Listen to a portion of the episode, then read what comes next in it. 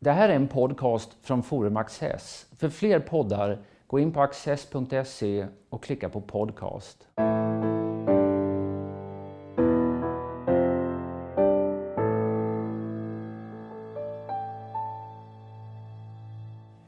Välkomna till Studio Access. Min gäst idag är författaren Magnus Utvik. Varmt välkommen. Tack så du ha. Du har precis kommit ut med en bok. Mm. Partiet på kant med verkligheten som handlar om Vänsterpartiet och har undertiteln En historia om solidaritet. Mm. Och du öppnar den boken med en mening som lyder så här. Hundra år av vänsterpolitik är hundra år av internationell solidaritet. Det är ett citat ifrån, som kommer ifrån Vänsterpartiets högtidlighållande av sina hundra första år då, i fjol. Mm. Boken handlar om de som glömdes bort i den här internationella solidariteten. Mm. Kan man säga så? Ja, absolut. Mm. Nej, men det var ju, jag kände ju liksom från början när jag gick igenom det här jubileet 2017 i mars att det var någonting som skorrade hela bilden som Vänsterpartiet gav av sig själva och den solidariteten. Det stämmer ju att eh, Vänsterpartiet och eh, jag kommer att säga Vänsterpartiet hela tiden för de firade 100 år så att det är ju samma parti egentligen fast de har ändrat namn ett par gånger. Eh, det, det, är ju sant att de ställde upp för solidaritet med folket i Chile under Pinochet-juntan. Att man kämpat för mot apartheid i Sydafrika, eh, för FNL när det gäller Vietnamkriget. Men det är ju lika sant, vilket som inte sades under jubileet att man hade eh, inte brytt sig om eh, den demokratiska, eller demokratirörelsen i Östeuropa under det kalla kriget utan att de här kontakterna med Sovjetunionen och de styrande stalinistpartierna i Östeuropa fortfarande var det, var det som var solidariteten och inte med demokratirörelsen.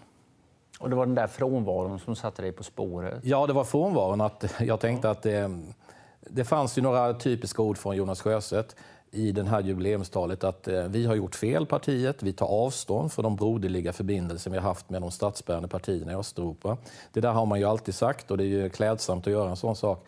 Men han skulle ju också kunna lägga till att vårt stöd till de statsbärande partierna innebar ett, en avsaknad av aktivt stöd till demokratirörelserna som Solidaritet i Polen, Charta 77 i Tjeckoslovakien och till eh, till exempel Amnesty International i Sovjetunionen. Du återger någonstans i boken en, en eh, person som satt i sovjetisk läger, en dissident, som säger att vi visste att det fanns stöd till de länder du nämner, till chilenska mm. eh, förföljda, till, eh, till de som var utsatta för apartheid. Men ingen brydde sig om oss. Nej, det är en författare som heter Anatolij Marchenko som var den sista, eh, sista dissidenten och författaren som dog i sovjetiskt fängelse. Och det var ju mm, efter, mm, precis efter eh, Gorbatjov hade kommit till makten i Sovjetunionen. Och eh, han säger precis som du säger, och det andas ju en sån förtvivlan hos honom att vi höll på, han skriver ju också i eh, en av sina memoarböcker att vi höll på att klättra på väggarna, vi politiska fångar, för att ingen jävel i Västeuropa brydde, brydde sig om oss. Medan eh, vi, de visste ju om att västeuropeiska kommunistpartier då hade, hade en solidaritet med Portugals förtryckta folk eller, eller kampen mot Franco i Spanien. Mm. Så det här um, har ju gått som en röd tråd genom mitt arbete med boken också att jag har läst många dissidenter som är eh, förbannade på den västeuropeiska intelligentian. Mm. Och i mitten av 70-talet så skrev ju Andrei Sacharov, eh, kärnfysikern, dissidenten, författaren, skrev ju en, en text i en av sina böcker som kom ut på svenska 1975 om att den västeuropeiska intelligentian är väldigt naiv när det handlar om Sovjetunionen, de socialistiska staterna. Det, det, kapitalistiska samhället i väst är på alla sätt ett mer humanistiskt demokratiskt samhälle än vad Sovjetunionen någonsin kommer att bli. Och ni måste lära er se detta. Av med skygglapparna och se Sovjetunionen för vad det verkligen är. För det där tycker jag är en intressant sak med, med det här. De anklagelsen riktar sig mot den västeuropeiska intelligentian och det kan man säga är Ja, det är någonting annat än vad Vänsterpartiet var. Och Vänsterpartiet var ett litet parti och vad de, ett litet parti gör kanske spelar mindre roll än vad stora partier gör. Men man är ändå på något sätt bärare av en idékomplex som hade väldigt mycket större genomslag än vad det faktiska partipolitiska stödet Eh, indikerade? Ja, alltså VPK var ju med i en, eller Vänsterpartiet var ju med i en, vad ska man säga, en kommunistisk international tillsammans med de här eh, statsbärande partierna. Och det hade ju kunnat spela en stor roll för till exempel oppositionen i, i Polen, som många gånger var marxistiskt inriktad, om de hade vetat att ett av partierna som som har stött vårt parti och stött Sovjetunionen, de har klippt banden med Sovjetunionen. De har klippt banden med alla stalinistiska diktaturerna. Mm. Alltså, regimerna i de här länderna skulle ju aldrig låta den här informationen liksom komma ut genom sina vanliga propagandakanaler. Men det skulle kunna sippra in genom det stödet som till exempel LO hade till Solidaritet, Svenska kyrkan, många borgerliga partier, också vissa vänstergrupper. Mm. Då hade det sipprat in och då hade ju folk kunnat tänka att det finns människor som, som, som säger Inget mer, nu är det färdigt. Nu är vi slut. Nu gör vi slut med, de har gjort slut med diktaturerna och de vill stödja oss aktivt. Det hade spritt sig som en löpeld över hela Östeuropa. Om vi tittar lite på Vänsterpartiets historia då. Eh, 100 år i fjol, då går man tillbaka till 1917. Då bildades ett utbrytarparti kan man säga ifrån den stora socialdemokratin. Och det, efter några år så byter de namn och blir Sveriges kommunistiska parti. Eh, vilket är intressant i sig, men de blir också mm. del av Komintern. Mm. Kan du berätta vad Komintern var för något och vad det betydde för det här partiet i Sverige? Komintern är förkortning på Kommunistiska internationalen och bildas då 1921. De partierna som gick med i Komintern, Kommunistiska internationalen, fick ju rätta sig efter ett 21-punktsprogram som Komintern hade. Och där fanns ju mer eller mindre hela partiets politik nedskriven. Och alltihopa gick ut på att Eh, det skulle finnas en grundläggande solidaritet med Sovjetunionen. Den här staten skulle försvaras till vilket pris som helst. Men också att man skulle kämpa för en, en revolution i det egna landet.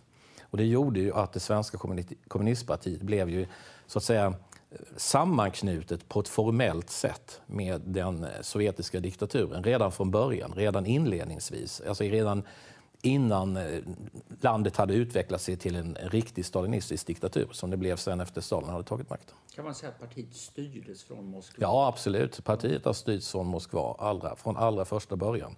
Medan de som valde den socialdemokratiska reformistiska vägen hade ju ett mycket större förhandling, eller ett handlingsutrymme, både politiskt och eh, vilka krafter man ville stödja i olika länder. För, för går man lite längre fram i tiden sen så leder ju detta till eh, ställ, ganska häpnadsväckande ställningstaganden i samband med andra världskriget och det sovjetiska angreppet på Finland och eh, den mm. sovjetiska pakten med, eh, med Nazityskland som ju backas upp i allt väsentligt av kommunisterna.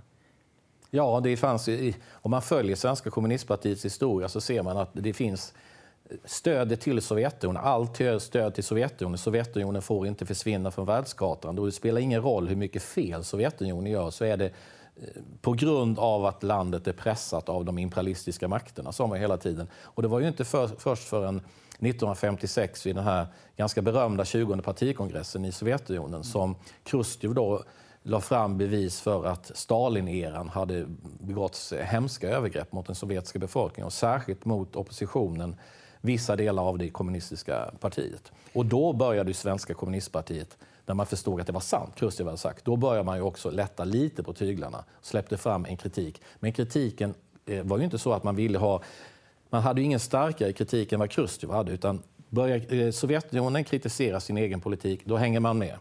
Och börjar sen när Chrusjtjev sa att ja, men det kanske finns inte bara arbetarklassens stat utan hela folkets stat och det kanske finns en fredlig väg till socialismen. Ja, det finns det, säger SKP. Så man följer Sovjetunionen hela tiden.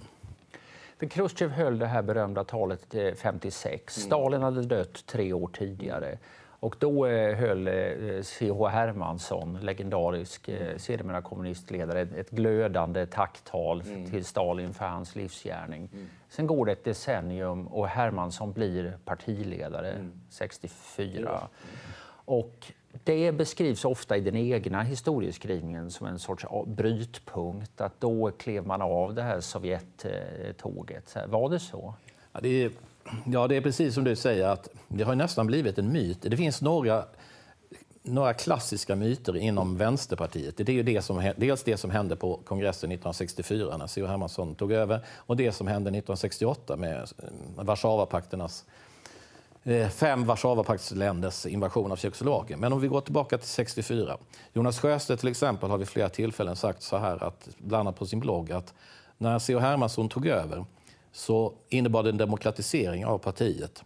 Eh, vi slutade följa Sovjetunionen och man började, vi började kritisera inskränkning i de demokratiska fri och rättigheterna i de socialistiska staterna. Eh, och det var en brott mot all annan, vad ska man säga, den kommunistiska kulturen att hålla fast vid Sovjetunionen. Men det här var ju väldigt mycket någonting som understöddes också av Sovjetunionen. Sovjetunionen tyckte att detta var bra, att partiet gick den här linjen, eller gick den här vägen. Men det var inget brott med Sovjetunionen och det kan man ju se sen vid invasionen 68 sen att trots att C.H. Hermansson tog ett starkt avstånd från början mot Sovjetunionen så tog det ju inte mer än ett, ett år innan sovjetiska, eller förlåt, tjeckoslovakiska kommunistpartiet blev inbjuden till SKPs kongress 1969. Jag förstår, du beskriver vid flera tillfällen när det har varit mycket dramatiska händelser i öst att liksom de fördöms, eh, eh och, men det, det leder inte till några att man bryter de eh, diplomatiska förbindelserna så att säga. Nej, det finns ju ett ord som återkommer i hela tiden från 1964 och det är ordet, det är ordet avstånd.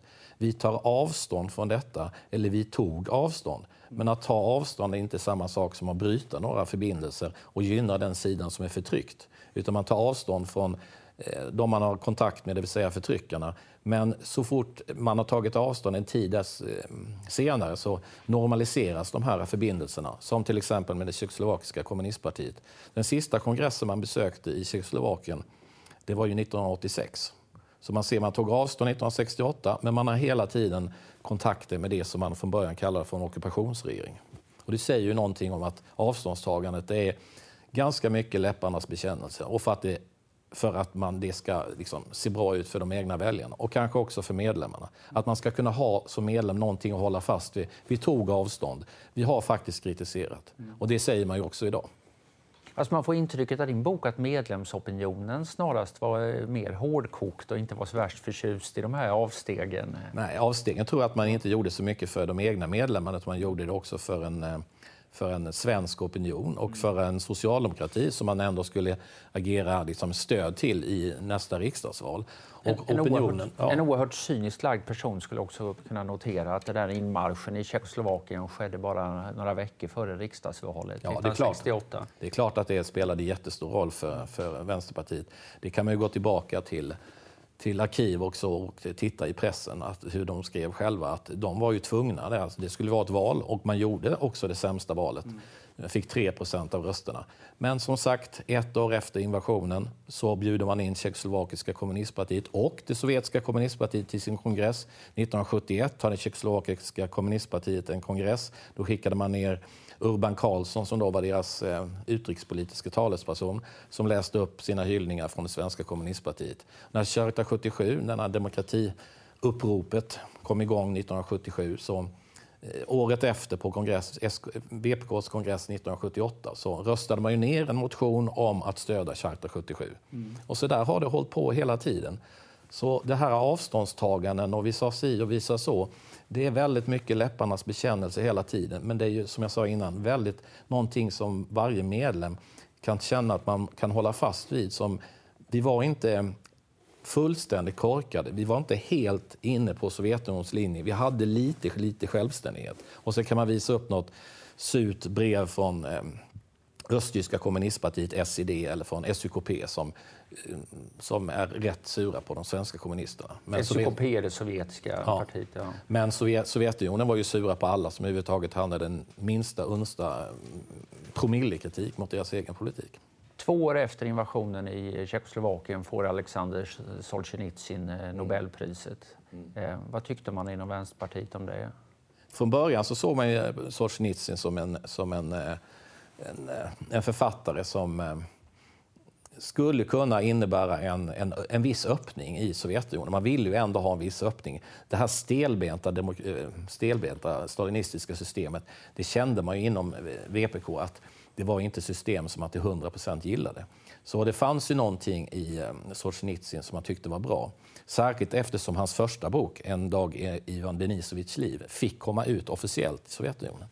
Så till början så tror jag att det fanns en eh, inte opinion för honom, men att Sovjetunionen ändå visade att med den första boken då, att det faktiskt var ett, på väg mot en viss pluralism. Men sen, men sen blir han ju snabbt anklagad för att vara eh, reaktionär. Sen. Men skulle man kunna säga att, de, att man inom Vänsterpartiet ändå kände eh, okej, okay, det vore rätt eh, skönt om de var lite, lugnade ner sig lite och, och eh, öppnade upp lite grann i det här systemet. Då skulle det ändå vara lättare för oss att, att fortsätta att stödja det.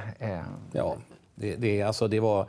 Det finns hela tiden många krafter inom Vänsterpartiet som, som har har velat se den här öppningen. Men eftersom Sovjetunionen har slagit till stenhårt och på andra sidan så har man imperialismen så har man valt motståndet mot imperialismen och slutit upp i solidariteten kring Sovjetunionen. Och det drabbade ju då en, kanske en, skulle kunna bli en, en rörelse för Solzhenitsyn. Men eftersom eh, Sovjetunionen hade sagt att han är reaktionär, han eh, baktalar landet, han går imperialismens ärenden och likadant, det var likadant med Sacharov. Då kan man inte stödja dem. Man kan säga som C.H. Hermansson sa, jag stöder Sacharovs rätt att uttrycka sig.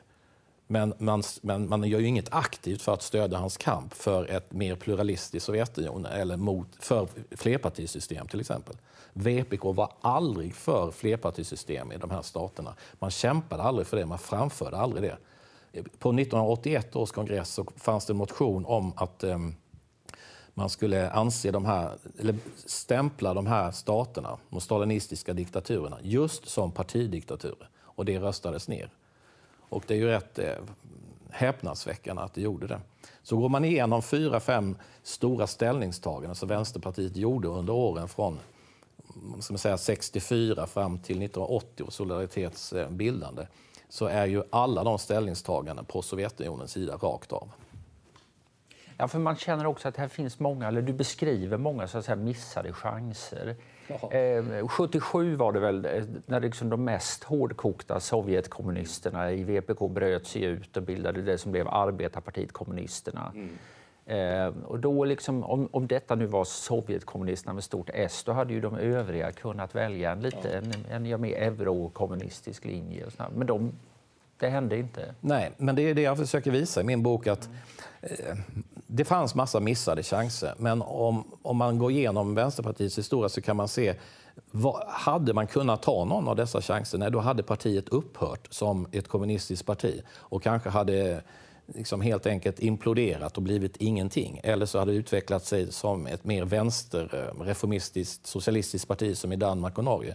Men om man följer Vänsterpartiets ideologi i leninismen, i marxismen och leninistiska tanken om partiets ledande roll och solidariteten med Sovjetunionen som också innebar en solidaritet med alla de rörelser och alla de staterna som Sovjetunionen hade under sig så är det omöjligt att bryta med Sovjetunionen. Utan så länge Sovjetunionen fanns måste man stödja detta. Annars är ju som ideologin helt borta och partiet förlorar sin egen... Eller som Bo Hammar sa en gång, som var internationell sekreterare, vi kan inte rycka upp hela partiet med rötterna. Och det visade man ju att den enda gången man tog avstånd från Sovjetunionen, det var när landet inte fanns när längre. inte fanns längre. Det var Sovjet fick lösa Vs problem så att säga, på det sättet. Och sen en sak som är intressant också, det är att när muren föll i november 1989 så hade ju, VP, hade ju Vänsterpartiet, alltså 1990, några månader efter det, så hade man fortfarande kvar kontakterna med SUKP i Sovjetunionen, med Nordkorea och Kuba. Bland annat de tre staterna. Så det är ju inte Vänsterpartiet som har brutit med öststatskommunismen någon gång. Det är öststatskommunismen genom murens fall som att se till att ni har inga stater kvar att stödja.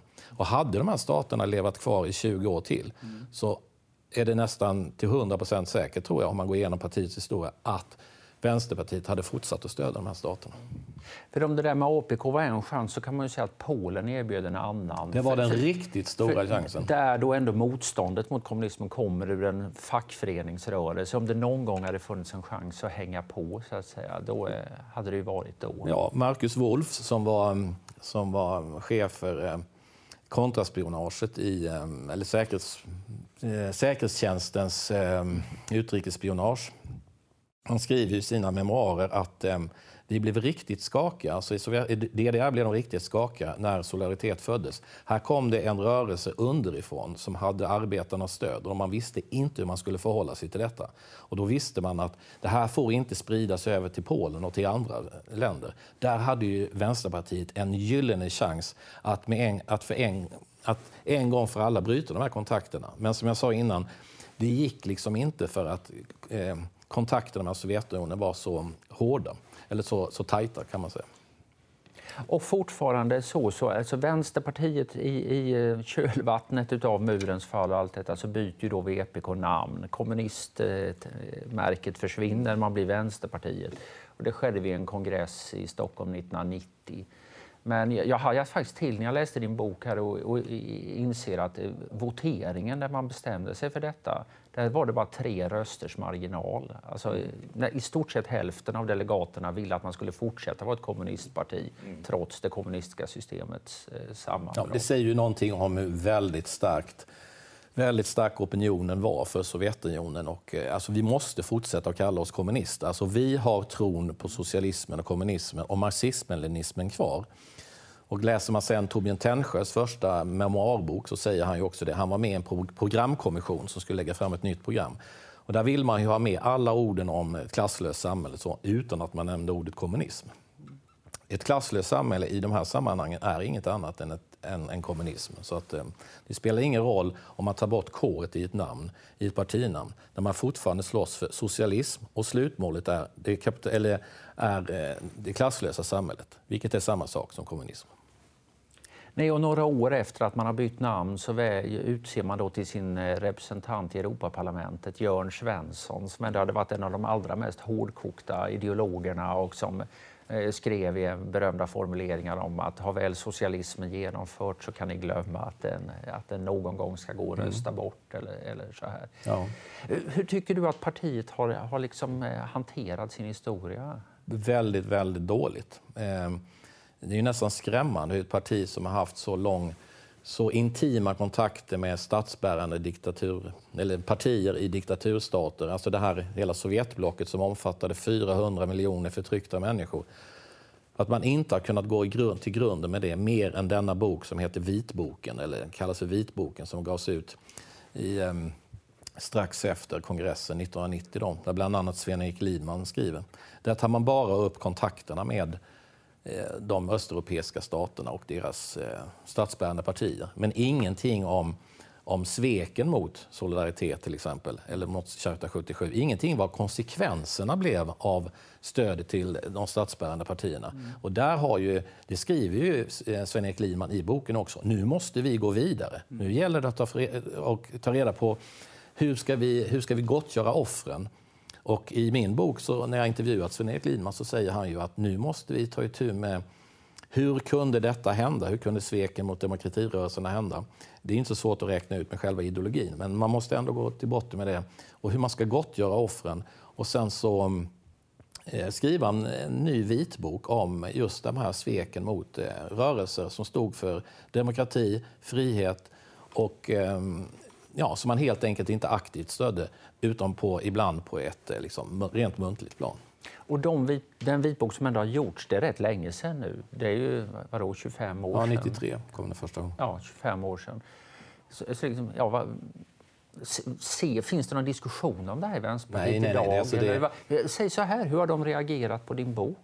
Att, att det är en känslig fråga inom Vänsterpartiet kan man ju se på det faktum att jag blev inbjuden till Studio 1 i Sveriges Radio det är ju ett av de riktigt stora programmen i, i public service. Och eh, jag fick ju prata där själv i 7-8 minuter därför att de ville ju inte komma. Vänsterpartiet kunde inte skicka en enda människa när man har en partistyrelse på över 30 stycken, 30 ledamöter. Och sen blev de inbjudna till Opinion och så vitt jag vet, enligt redaktionen på Opinion, så fick de ju välja mellan två eller tre dagar som de skulle skicka någon och diskutera med mig i 7-8 minuter eller 10 minuter.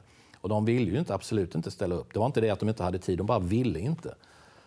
Och eh, när jag var med i TV4 också var det ju samma sak. Så jag fick sitta ensam i, tre gånger där. En gång när de ställt upp eh, mot mig och det var ju med, när jag diskuterade med eh, Aron Etzler som är partisekreterare då, i eh, SVTs morgonprogram. Men det är ju lite tråkigt för mig som gammal vänstermänniska att det är partiet som pratar mest om att man ska bevara public service och man ska ha ett demokratiskt samtal. Och vi får inte vara med i borgerliga medier och vi är lite utskuffade. Och sånt där. Eh, de ställer inte upp när det väl handlar om detta. Och hade, detta, hade VPK eller Vänsterpartiet haft rent mjöl i påsen och kunnat svara för att till, tillbakavisa alla, alla uppgifter som jag har i min bok och inte hade någonting att skämmas för, då är det bara att gå ut och säga det och säga att Magnus har fel. Men de kan ju inte göra det. Detta är ju ett stort sår i partiet som alla försöker lägga det ena plåstret på efter det andra. Men om man river av alltihopa så kommer det att eh, visa hur fruktansvärt det ser ut. Eh, historien är då kan man säga en sak, så att, säga, att det, det här är var man kommer ifrån och, eh, och det är inte beskrivet på ett bra sätt. Hur mycket av detta lever kvar eh, trots Sovjetsystemets försvinnande? Alltså den här ja, man är då inte Sovjetlojal, men tankefiguren och eh, drömmarna. Ja, av, av att döma det som eh, jag har mötts av på Facebook till exempel, då, som är den enda kanalen jag går ut på, det som heter sociala medier, så är ju 18 av 20 kommentarer handlar ju om att det här visste vi redan, eller eh, jag tänker inte läsa boken för du har gått från vänster till höger och högermänniskor läser jag inte. Ehm, och sådana där saker, att det kom innan valet, vilket jag bara är ute efter för att förstöra. Eh, och sen så kan man ju se att det finns ju grupper inom Vänsterpartiet som är mycket radikalare än vad Jonas Sjöstedt ger uttryck för. Han är ju en slipad, duktig politiker som vet precis vad han ska säga för att inte liksom, det han kallar för den borgerliga pressen ska kunna nita honom. Men ungdomsförbundet är ju ett radikalt ungdomsförbund, revolutionärt, som vill ha en socialistisk revolution. Deras mål är ett klasslöst kommunistiskt samhälle, står i deras program. I Vänsterpartiet så har man ju också kontakter med eh, kommunistiska partiet som stöder både Nordkorea och eh, Stalin. De bjuder in nordkoreanska ambassadören till sina kongresser. Och de, med de här krafterna har man ju demonstrationer mot, förra året mot den svenska militärövningen Aurora. Så 2017 så tågade man tillsammans med kommunistiska partiets ordförande, som var en av, och Vänsterpartiet och kommunistiska partiet var en, två stycken huvudaktörer i den här demonstrationen. Där för övrigt också eh, Fi och eh, Miljöpartiet ingick. Och sen har du en, en ganska liten men högröstad opposition, eller en fraktion inom Vänsterpartiet som är väldigt revolutionsromantiska och eh, gillar allting med, som är riktiga marxist-leninister. Så ja, det var det. väl en tid där när de i alla fall försökte. Det fanns ett, ett, en krets med personer, Johan Lönnroth och Lennart Beijer och vad de nu hette, som, som liksom, eh, ja, vi är för småföretag och vi vill ha en mer demokratisk... Det var en jätteliten eh, opposition. Ja. Det var ju precis efter kongressen 1990 där de försökte fortsätta reformarbetet inom vänstern. Men eh, de startade en liten vägval vänster, en liten grupp. Men det blev ju ingenting av den där. Och sen har ju alla diskussioner som handlat om kommunismens brott så har de ju gått ut med någon stor motkampanj mm. där alla möjliga människor har ställt upp, bland annat Göran Greider och visar men titta på högen. Så att man kan aldrig gå itu, ta itu med sin egen historia utan högen är lika ruttna eller ännu mer ruttna utan att för någon gång skulle säga så här, hur kunde vi inte stödja en fackförening på 10 miljoner människor som också stöddes av präster, intellektuella, hantverkare, ja, författare, you name it. Mm. Jag måste bara nu, tiden har flugit ifrån ja. som, som så ofta eh, ja. när man talar om intressanta ting. Eh, jag måste bara få avsluta med, vi har precis haft riksdagsval. Eh, Vänsterpartiet fick eh, ja, enligt valnattsiffran 7,7 procent tror jag.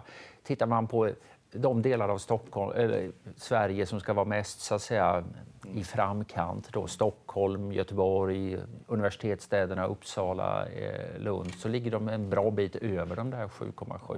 Vad, vad är din reflektion kring det? Dels har det väl en reflektion med att eh, det är någon slags... Eh, det gäller att sätta ner foten mot Sverigedemokraterna, tror jag. Och man tycker att Socialdemokraterna i sin retorik när det gäller migrationspolitik har blivit ganska lika, både Moderaterna och Sverigedemokraterna. Men det tyder ju också, och kanske en dröm om ett bättre samhälle, en socialistisk värld och sådär, men det tyder ju på att att kunskapen om Vänsterpartiets historia och de här gigantiska sveken mot demokratirörelsen, de är ju så små. Alltså kunskapen är skrämmande, skrämmande liten även hos välutbildade människor. Och det säger ju någonting att vi har någonting att ta itu med. Det handlar om eh, skolväsendet. Att inte bara ha en skola som informerar om förintelsen, högerextrema diktaturer och totalitära ideologier, utan också räkna in kommunismen i denna samling av totalitära idéer. Annars så kommer vi inte att komma någonstans. Mm. Här finns ett upplysningsarbete att göra Absolut. och du har lämnat ditt bidrag med den här boken. Stort tack Magnus Uhlström för att du kom. Tack själv.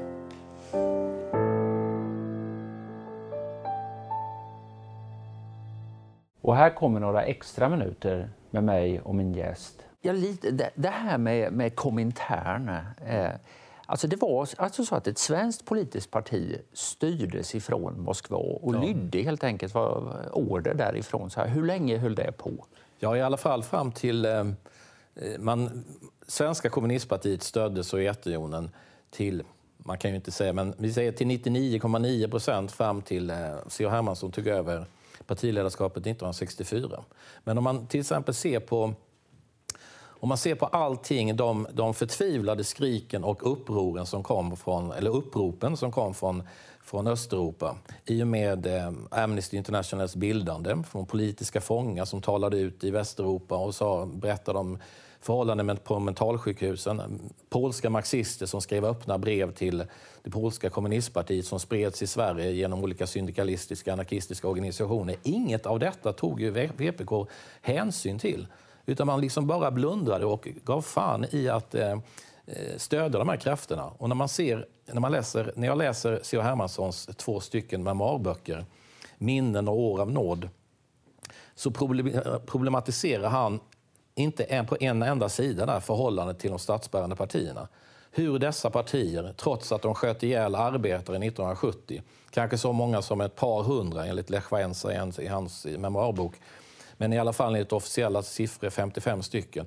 Han problematiserar inte hur kan dessa vara arbetarklassens stater när man skjuter ihjäl arbetare på öppen gata? Hur kan man göra en statskupp i Polen den 13 december 1981 och skjuta ihjäl arbetare och det är fortfarande socialism? Han problematiserar inte det på 500-600 sidor. Och det visar ju att det fanns inget egentligen intresse av att gå till grunden med vad detta var för system, utan man litade på att är de här kommunistpartierna marxist-leninistiska, har de stöd av Sovjetunionen, då är de våra kamrater, punkt slut. Det fanns ett högre syfte på något sätt. För det, det är du inne lite och tangerar. I, I, din bok tar du upp lite grann i alla fall det här lockelsen i det här eh, totalitära. Ja, men alltså att, vara med i, att vara med i dåvarande kommunistpartiet, alltså från från 1917 fram till liksom helt enkelt partiet upphörde. Men jag skulle vilja säga att den känslan finns kvar idag. Det är att vara tillhöra en utvald skara av människor som har sett igenom liksom de stora problematiken i världen. Att man vet att marxismen-leninismen är ljuset, det är det ideologiska ljuset i världen. Den här läran tillsammans med ett kommunistiskt parti skapar stater som i grunden alltid är bättre än alla andra stater, än alla andra kapitalistiska stater. Eller en, en det är liksom Lenin stater. som sätter turbo på Marx när han säger, har de här idéerna om avantgardet och ja, de som ska gå före och eh, frälsa mänskligheten. Ja, men alltså, VPK såg sig själva som inkarnationen av arbetarklassens eh, omedvetna eller, eller vilja. Så jag kommer ihåg att ungdomsförbund, VPKs ungdomsförbund skrev en gång när det var strejker i Polen att Polen har kommit längre på vägen till det klasslösa samhället än vad Sverige har gjort. Fast Sverige var mycket rikare land och hade, mycket, hade en utvecklad demokrati där kommunistpartierna till och med fick statsbidrag. Medan i Polen så blev de ihjälskjutna arbetarna. Och där ser man att tron på det här socialistiska systemet gjorde att man blev totalt blind för vad som egentligen hände där. För det är inte så som många VPK idag, eller vänsterpartister idag säger att vi visste inte riktigt vad som hände. Gud, det fanns ju hur mycket information som helst. Jag har ju plockat hem massvis med böcker från olika eh, antikvariat. Jag har bara suttit på nätet och beställt. Och liksom, men, ehm, och jag blev ju chockad över hur mycket information det fanns i Sverige om de riktiga förhållandena i Östeuropa. Om inte annat så kom ju det med flyktingar från Tjeckoslovakien. De kom ju hit 68 och 1970. För den här ideologiska jag vet inte, berusningen, eller ja, vad man nu ska kalla det, måste ha varit oerhört stark också om man tänker på hur, hur den här arbetarklassen envisas med att i val efter val efter val vägra rösta på, eh, på eh, kommunistpartiet. Ja, och sen när de väl har chansen, i, till exempel som i Polen, att under de 500 dagarna som Solidaritet var tillåtet så blev ju Solidaritet över 10 miljoner människor, eller medlemmar. Och det är klart att eh, någonstans så, krockar ju verkligheten med, eh, med eh, den egna ideologin och den egna uppfattningen.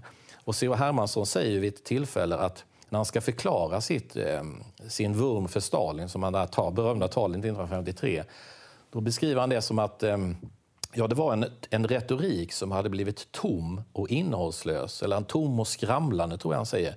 En retorik som dolde verkligheten. Och den, den, den där tomma retoriken finns ju än idag när Jonas Sjöstedt säger att det var först 1964 som vi började eh, kritisera inskränkningar i de demokratiska fri och rättigheterna i de socialistiska staterna. Men hur kan det finnas inskränkningar i rättigheter som inte finns? Mm. Om du inte har organisationsfrihet, demonstrationsfrihet, eh, religionsfrihet och en kraftig censur, sätter in politiska fångar eh, eller torterar dem, sätter in dem på mentalsjukhus. Hur kan, hur kan det vara så fantastiskt att vara med i ett parti som har börjat kritisera inskränkningarna? Det, det, det är goddag yxskaft och det är ju verkligen samma tomma retorik som skramlar än idag. Och det är det som är Vänsterpartiets eh, vad ska man säga? Ja, det är en svårighet att komma ifrån det. Jag läste någon gång en bok av Michael Novak som är en amerikansk författare som var mycket engagerad i den här Helsingforskommittén och deras eh, arbete. Och han, han berättar om ett samtal med en eh, sovjetisk funktionär, det är nog på det 80-talet, de kommer in på Sacharov. Mm. Och då säger den här eh, sovjeten till sist liksom desperat eller ursinnigt att eh, Andrei Sacharov, Andrei Sacharov, han är en individ som bor i Gorki. Vad har individer med mänskliga rättigheter att göra?